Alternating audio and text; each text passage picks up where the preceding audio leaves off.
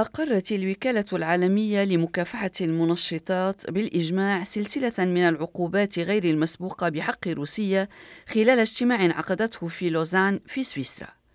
ومنعت الوكالة روسيا من المشاركة على مدى أربع سنوات في أحداث رياضية ضخمة، ومنعت رفع العلم الروسي وعزف النشيد الروسي في هذه الأحداث، ومن بينها أولمبياد طوكيو عام 2020 وأولمبياد بكين الشتوية عام 2022 وكأس العالم لكرة القدم في قطر عام 2022 وعلى غرار ما جرى في بيونغ تشانغ عام 2018 سيكون بإمكان الرياضيين الروس أن يتنافسوا في هذه الأحداث تحت علم محايد شرط أن يتمكنوا من إثبات عدم تورطهم في فضيحة المنشطات واسعة النطاق التي طالتهم بعد الاتهامات التي وجهت لروسيا حول وجود نظام ممنهج للتلاعب بقواعد مكافحة المنشطات.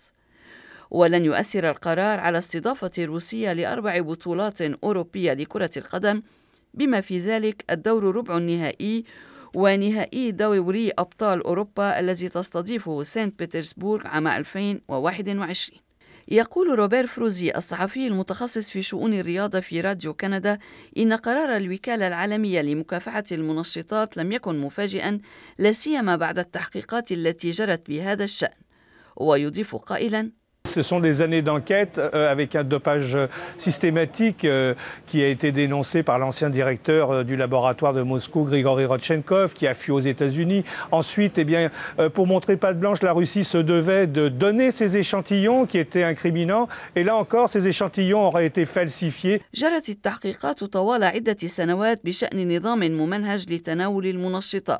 كشف عنه غريغوري روتشينكوف المدير السابق لمختبر موسكو الذي فر نحو الولايات المتحدة.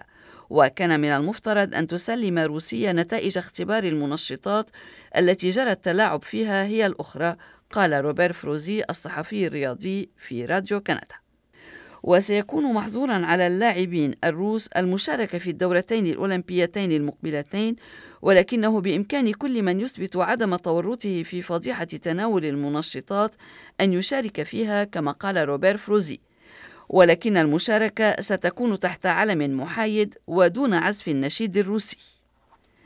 وأشار روبير فروزي إلى الثقل الذي تمثله روسيا التي يشارك عدد كبير من لاعبيها في الأحداث الرياضية حول العالم ورغم أنهم لن يشاركوا على مدى السنوات الأربع المقبلة إلا أن في يدهم أكثر من ورقة كما قال وتابع موضحا. faudra surveiller maintenant la bataille politique qui s'engage entre les autorités sportives internationales, malgré le bannissement de la Russie, et effectivement la force politique et surtout économique qu'a euh, la Russie. D'ailleurs, la Russie a 21 jours maintenant pour se pourvoir devant le tribunal arbitral du sport et faire appel donc de cette décision sévère.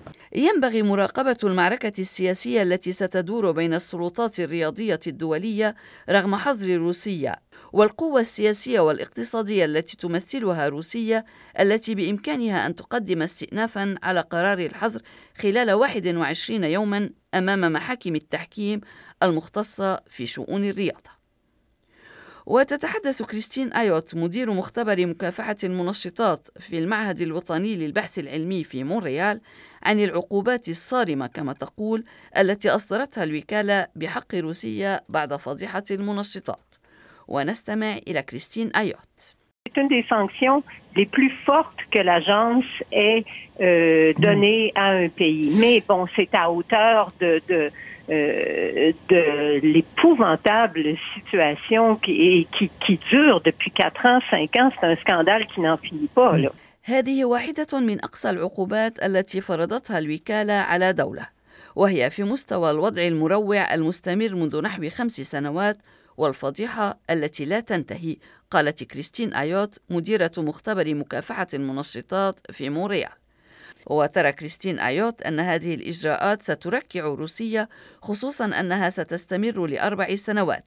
وسيدرك الروس أنه لا يمكن شراء الرياضة بالأموال وأن عليهم أن يوجدوا نظاما موضوعيا في مجال الرياضة كما قالت. وتحدثت تامارا ألتريسكو مراسلة تلفزيون راديو كندا في موسكو عن ردود الفعل الرسمية والشعبية على قرار الحظر وأشارت إلى أنه أغضب المسؤولين الروس وأضافت بالقول Le premier ministre Medvedev qui a tenu un point de presse, et je le cite, il a déclaré que c'est de l'hystérie anti-russe chronique qui avait motivé la décision de l'Agence mondiale antidopage. Je dis oui, il y a eu du dopage. On a été puni pendant quatre ans. Pourquoi est-ce qu'on nous repunit pour les mêmes offenses? رئيس الوزراء ديمتري ميدفيديف أشار في مؤتمر صحفي إلى وجود هستيريا مزمنة معادية لروسيا وراء قرار الوكالة العالمية لمكافحة المنشطات.